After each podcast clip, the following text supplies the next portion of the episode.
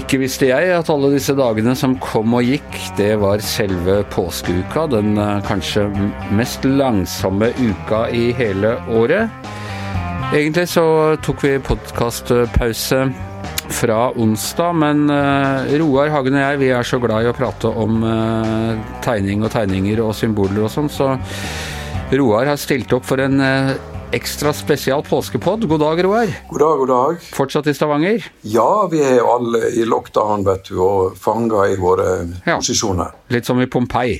som i Pompeii. Vi har alle vårt Pompeii. Ja, men frosset i de bevegelsene vi var eh, den 12. mars, da, da teppet gikk ned.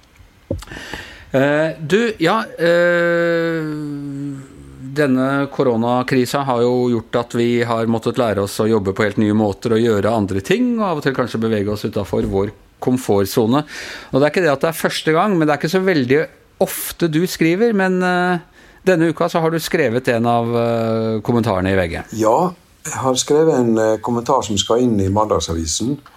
Og det som gjorde det, var at eh, jeg fikk en følelse av at veldig mange mennesker har blitt eh, overlatt til seg sjøl med kroppen sin. Vekk fra treningsstudio, frisør, tannlege osv. Og, så og sa sannhetens øyeblikk som har oppstått. Ja, for da vender Altså etter at vi har holdt på i alle år med at vi kan ikke leve av å klippe håret på hverandre, så har vi Det er en litt oppreisning for frisørene, dette her. Vi har fått et lite krasjkurs i hva som skjer når, når vi ikke klipper håret på hverandre. Absolutt. Og frisørbransjen er jo en temperaturmåler på økonomien her. og jeg rakk akkurat inn til min frisør i den siste timen på den siste dagen før, før um, um, vi gikk i, i, i um, isolasjon. Og, ja, Var det en nazifrisør, siden du er på de kanter? Eh, nei, nei, nei på ingen, ingen måte. Ja, veldig hyggelig frisør. Så nå er det da spørsmål om, eh, om det holder til å gjenåpne, da, om det er mulig å få en time. Så du har skrevet om det. Vi skal ikke forskuttere for mye, for dette er jo da uh, Mandagsavisen. Men man må jo si at det er ikke en gravalvorlig kommentar. Det er av de litt muntrere slaget vi har, vi har hatt, uh, hatt, den siste tiden. Ja, Det var jo litt av grunnen til å skrive den også. Vi diskuterte dette på et møte, og så sa sjefen at kan du ikke skrive om det, da? Og, og, og sånn ble det. Jeg våkna en natt og tenkte sånn skal jeg skrive den. Og, så, ja. og så, sånn ble det. Ja, Guddommelig inspirasjon der, altså? Det, ja, om det er guddommelig, det vet jeg ikke, men men det var godt å få gjort det når du først har begynt å tenke tanken. Men du sa jo ganske tidlig, eh, når vi prata sammen og, jeg roste tegningene dine under krisa, så sa du jeg blir inspirert av, av krisen. Vet, vi har kanskje snakket om det før, men man blir jo det? Ja, veldig.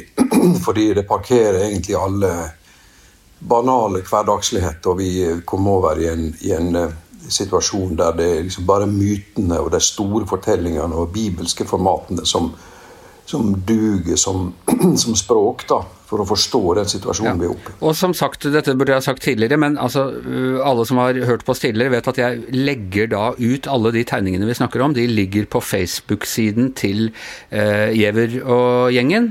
Eh, både de tegningene vi snakker om eh, som Roar har tegnet, og eventuelt også andre, hvis vi, vi nevner andre inspirasjonskilder. Og denne tegningen, som da står til Roars egen kommentar, den er da av eh, to moderne mennesker etter, etter å ha vært uten tilgang til, eh, til frisører og fysioterapeuter og, og, sånne ting eh, en god stund. Ja, da vokser jo hår. og Det er sånn som du med meg og deg, vet du, at hvis vi har liksom blitt utenfor frisør, så er det som det gamle bukker som blir ville igjen etter å ha vært ute i naturen. vet du. Etter noen år så, så er du da viltvoksen og ser ut som en raggete geitebukk. Sånn blir det med oss òg, så vi må komme oss til frisøren. Men det er også tap av uh, treningsstudio og slike ting. Så kroppene er jo også i spill.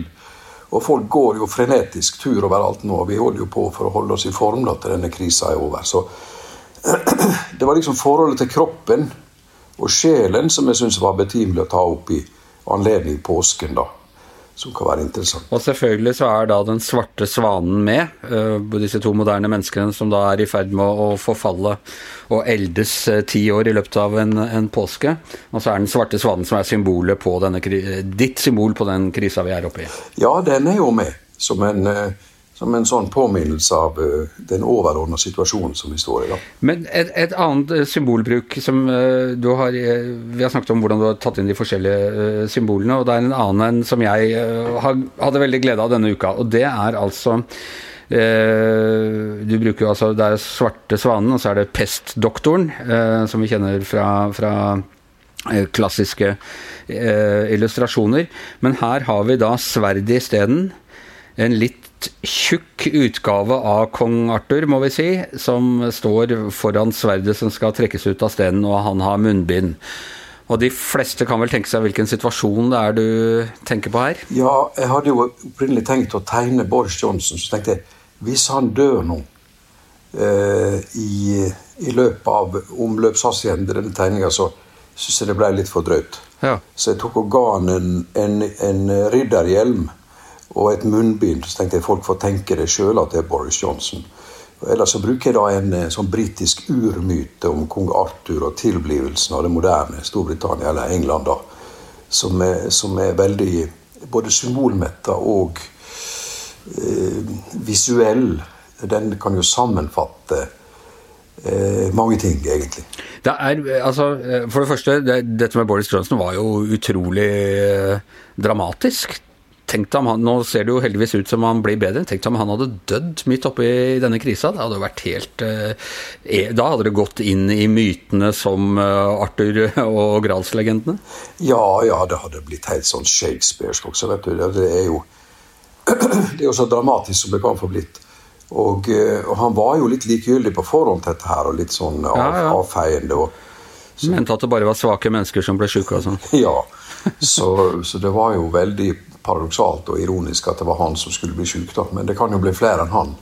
Men og, så er det dette med, med den altså uh, Gralslegenden er vel det man kaller det. altså denne, Disse mytene fra sånn før, nesten førhistorisk tid i England. Om kong Arthur og, og, og ridderen av det runde bord og sverdet i stenen og, og uh, Lancelot og, og, alt dette her. Det er ikke egentlig historiske skikkelser, eller vet vi noe om det? Nei, det er jo et Storbritannia da som vokser fram etter romerne trakk seg ut, og vi gikk inn i the dark ages. Og, og det skal liksom framstå et England som vi kjenner i dag. Og da, da er jo dette en myte som kanskje har et snev av sannhet, men som da utvikles til en nasjonal myte. Eh, det er jo som i Norge når vi skal gjenskape sagaen og alt dette her òg, at vi trekker fram de urgamle mytene og gjør det til vårt. Men det som også interesserer meg her, er at uh, jeg lærte om alle disse mytene ikke av de gamle sagnene eller noe sånt, men gjennom Donald Duck og Monty Python og Walt Disney.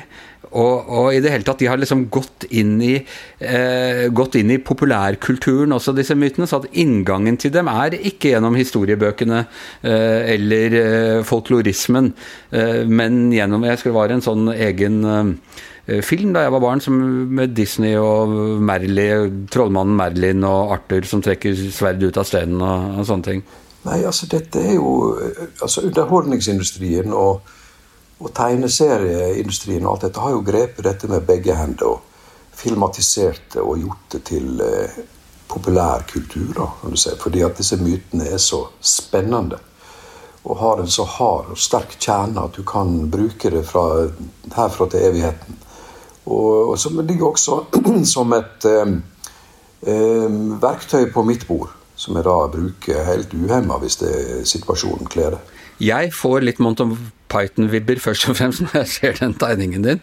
Noe med den derre uh, ridderen som ble kutta opp, uh, arm uh, lem for lem ble revet av han, og han gir seg ikke, og til slutt roper han etter kong Arthur 'kom tilbake, skal jeg bite deg i, nesa', eller kanskje et verre sted. Ja, også litt sånn britisk uh, 'it's just a flesh wound'. Det er bare et kjøttsår når lemmene ligger spredd utover marka der. Så jeg hadde tenkt å bruke den da.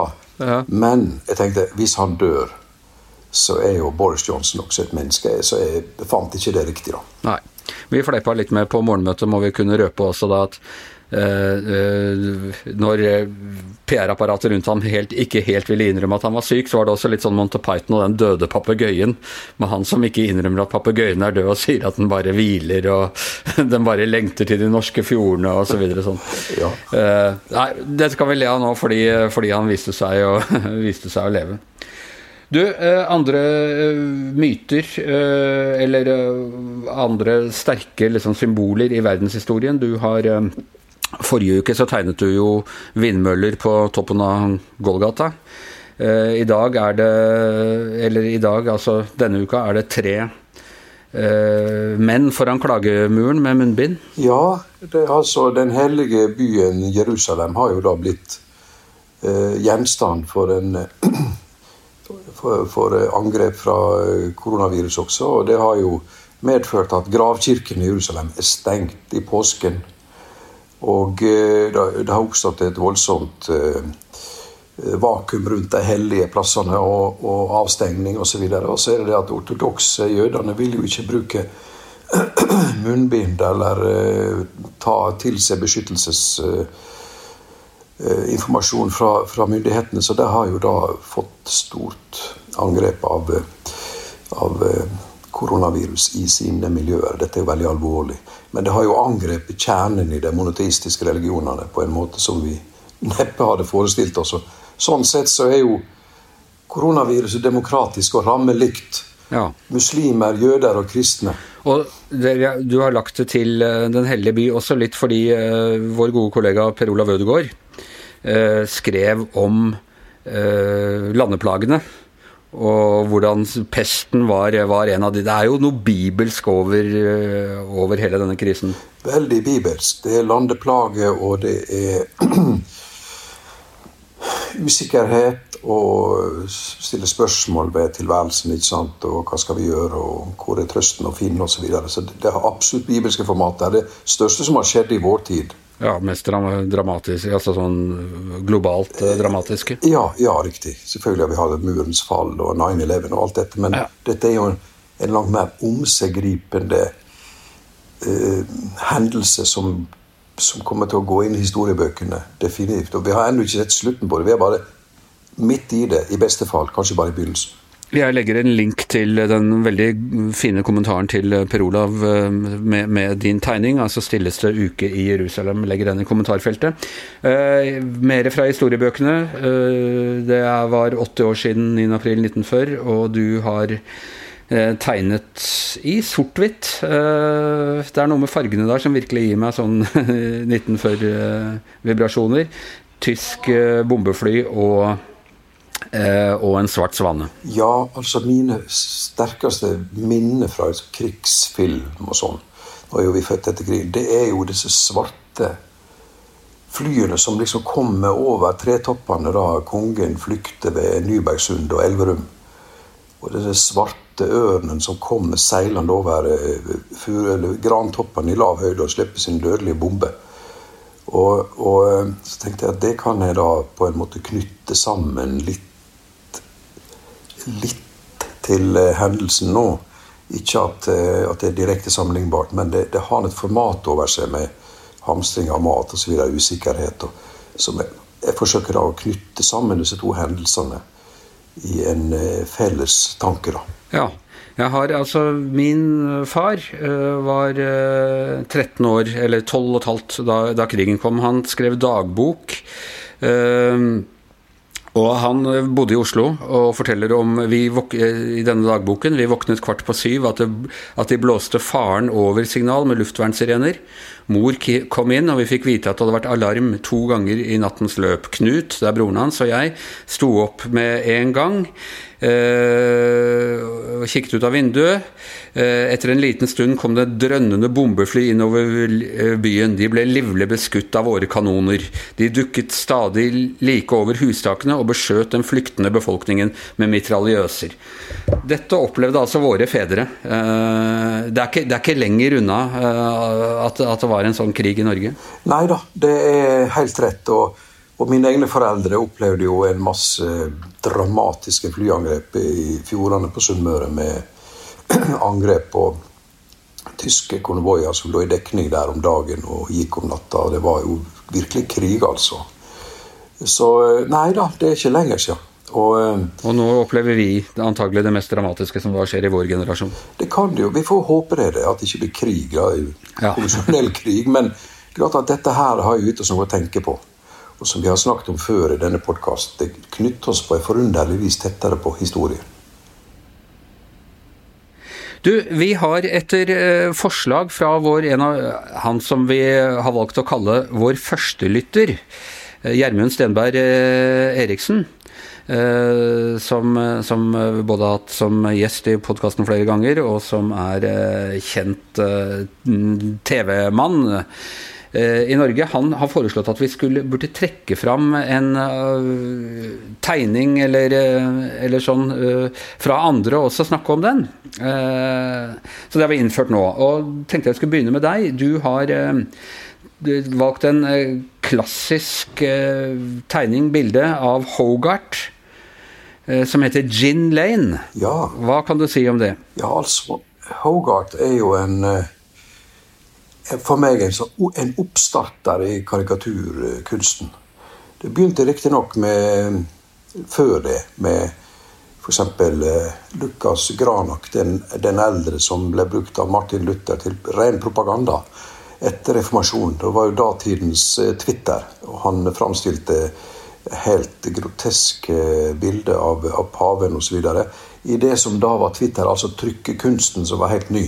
Mm. Men i demokratisk forstand så må vi litt lenger ut på, ut på 1700-tallet, i England osv.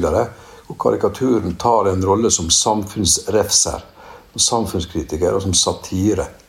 Og, og William Hogarth, dette er jo 1752, dette bildet eh, går da kraftig til angrep på de sosiale forhold og misbruk av eh, barn osv. i London. Eh, Knytta til alkohol, industrielt alkoholkonsum i form av gin, som man kaller gin lane. Og bruker da sin strek til å definere tilstanden i, i, det sosiale livet i, i London.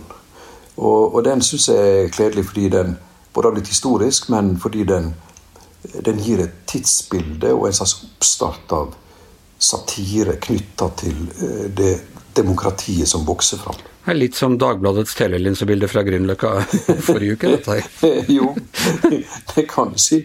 Eh, jeg må si, Det er særlig, det er jo en del som bare som er rent uh, hva skal jeg si, grotesk og forferdelig, og en mor som sitter full og mister barnet sitt og sånn. Det er også en liten fyr som gnager på et bein i, i venstre kant av bildet, som er sånn klassisk uh, grotesk karikaturaktig.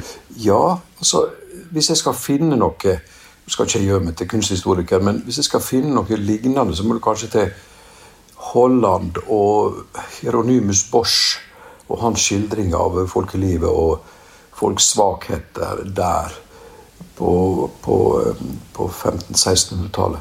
Så det er jo, en, det er jo en, et angrep på vår skrøpelighet, dette her. Vår grådighet og vår uh, Eh, forfyllethet osv. Sosial elendighet og en, et refs av samfunnssituasjonen. Jeg må ellers si at når jeg hører eh, navnet Hogart i forbindelse med tegning, så tenker jeg på en av den kanskje beste Tarzan-tegneren noensinne. Burnet Hogart, husker du han? Ja da. ja da. Han var også en uh...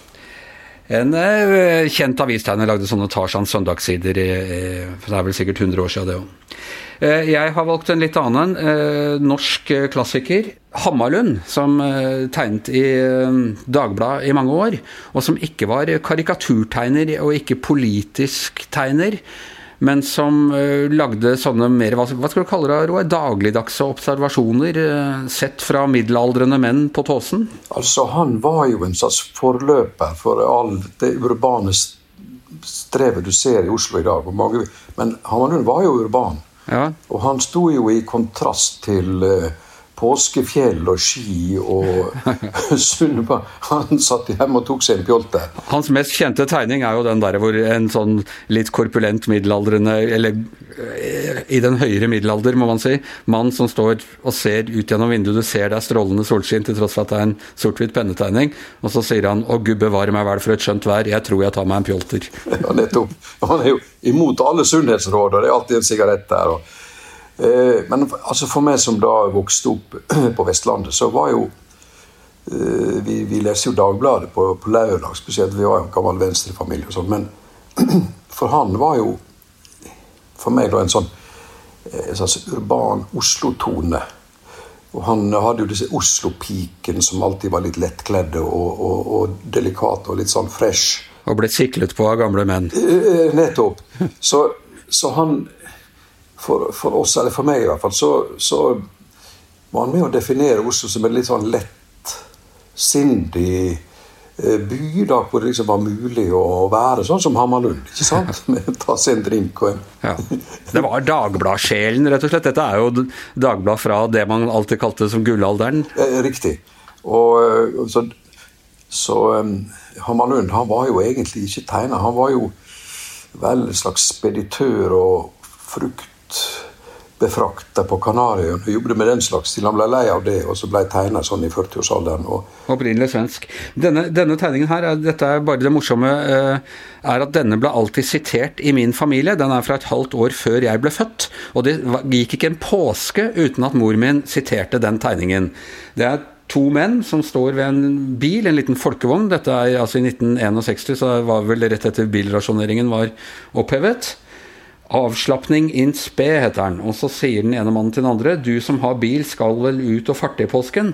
Og så svarer han med bilen i påsken skal jeg hver bidige dag kjøre ned til sentrum og parkere hvor faen jeg vil. uh, det gikk ikke en påske uten at mor uh, nevnte den, og det er liksom den derre bypåske Akkurat i år er det vel nok ikke aktuelt, for nå er jo alle hjemme, så nå ikke, kan du ikke parkere hvor faen du vil, men, men allikevel. Altså, Hammarlund var jo en alternativ røst og en kontrær opponent mot denne skileiken og klister og alt dette. Han, han hadde jo bare forakt til overs for det. Og, og, han hadde jo også en, eh, et blikk for eh, de unge kvinnene som neppe hadde gått i dag. Men det var morsomt, og jeg hadde stor sans for Hammarlund. Og, og han var jo med å definere Dagbladet og Oslo definitivt. Og vi husker jo fortsatt Vi sitter jo her og snakker om. Ja, ja. Ja, ja og, der, og, han har fått på en måte et nytt liv gjennom uh, sosiale medier og Facebook, og vi er en del folk som liker å dele gamle, klassiske Hammarlunder. Han døde i 1987, husker jeg godt, for da var jeg sommervikar i, i Dagbladet, og da følte jeg at jeg var ganske nær avishistorien. Og, du, og apropos det, Roar. Uh, vi må ta, før vi slutter òg, i denne uken, altså på um, skjærtorsdag, så døde Mort Drucker eh, tegner i tegneseriemagasinet Mad, som ble 91 år gammel.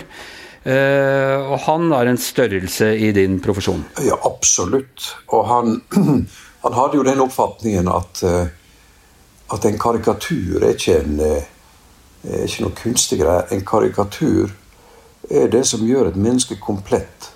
Du er ikke komplett før du får din karikatur. Eh, så han var jo eh, av den oppfatninga at den karikaturen er en sannhetsgehalt. Og, og han var jo ekspert på eh, amerikansk eh, offentlig liv, underholdning, eh, filmindustrien, politikken osv. Så, videre. så han lagde jo fantastiske komposisjoner med, med, med tegninger av de store karakterene i amerikansk eh, kultur. Og, eh, han, det var jo særlig filmparodiene. og jeg, altså jeg, begynte å lese Mad da jeg var 11-12 år gammel. På den tiden var det jo ikke noe video, og du kom ikke inn på voksenfilm før du var hvis du ikke hadde aldersbevis og sånn. Så det er en rekke filmer fra 70-tallet jeg må innrømme at jeg ikke er sikker på om jeg har sett, eller om jeg bare har lest de der Mort Rucker-parodiene på dem. Altså, I det øyeblikk du har sett en Mort Drucker-tegning, så går den jo aldri vekk fra bevisstheten din. Altså det, den har jo en såpass høy kvalitet, og, så den blir jo sittende. Og Og, eh, så han har jo definitivt vært med å definere sin tid og oppfatning av det amerikanske osv. Som straks er helt til Ås, da der du vokste opp. Narvesen-kiosken på Ås var liksom kanalen til, ut til den store verden. Det er jo fantastisk. Og der tok han eh, bolig i din bevissthet, og der er han fortsatt. Ja. Og han, ja, Først og fremst altså filmparodier. Han tegnet også en del for Time og Newsweek, tror jeg, eller noen av de der aktualitetsbladene. Og veldig god på Nixon og Spiro Agnew og disse eh, som eh, utgjorde Watergate. Ja, ja da. Nei, så, han, bare si at ja. han, i likhet med andre amerikanske tegnere av den typen, så har han jo også full kontroll på anatomi og perspektiv og farge. Altså, han er jo en veldig dyktig håndverker også oppi det hele. Og, og, eh, så alt virker jo riktig. Når du ser en komposisjon med 10-20 personligheter, så alle er jo i Det er nettopp det. Det er så mange i de tegningene hans. Og de står så tett. Det er ikke akkurat smittevernsreglene. De er liksom oppi hverandre og snakkeboblene og i det hele tatt er så crammed. Alt var stappa inn i de der rutene. Det er fantastisk. Og alle er riktig framstilt. Og det er ingen som virker feil eller merkelig i komposisjon. Så han klarer å trekke fram en trekke sammen en, en masse elementer i én sammenfattende tegning. Er fantastisk. Ja, det er så mange man kunne lagt ut av den, men jeg legger ut av, på Facebook-sida vår. Da tror jeg jeg tar fra Gudfaren, for var, den har jeg riktignok da, den vet jeg jo at jeg har sett etterpå, men jeg leste jo Mad-parodien flere år før jeg var gammel nok til til å se filmen, og der har du den åpningen med alle de fantastiske tegningene av alle disse svære skuespillerne fra 70-tallet. Al Pacino, Marlon Brando, eh, John Casali, eh, alle sammen. En utrolig tegning. Veldig godt valg. Ok, eh, Roar. Eh, da er vi eh, ferdig for i dag. Har du ordentlig fri nå, eller driver du og tegner i, til nettutgaven og sånn? Nei, nå skal jeg ta fri et par dager da, til Eh, det strømmer på med nye hendelser i neste uke. Så det er vanskelig å ta helt fri nå i lengre tid, altså. Får vi vente litt. Var... så lenge koronaen bor hos oss. De begynner jo å åpne uh, barnehagene snart, så da kunne de åpne avisene, avisene kanskje også. Så er det mulig at vi sees i hvert fall innen, ut, på ordentlig innen utgangen av måneden. Ja, det får vise seg. Vi, vi får bare ta det som det kommer og innrette oss så best vi kan. Ok, Roar. Uh, takk for nå. Ha en fortsatt uh, fin påske til alle dere andre. Giæver og gjengen er over for nå. Anders Giæver og eh, Roar Hagen i hvert sitt hjemmestudio. Mannen som binder strekene sammen, eh, sitter i sitt hjemmestudio og heter Magne Antonsen. Og vi høres når påsken er over.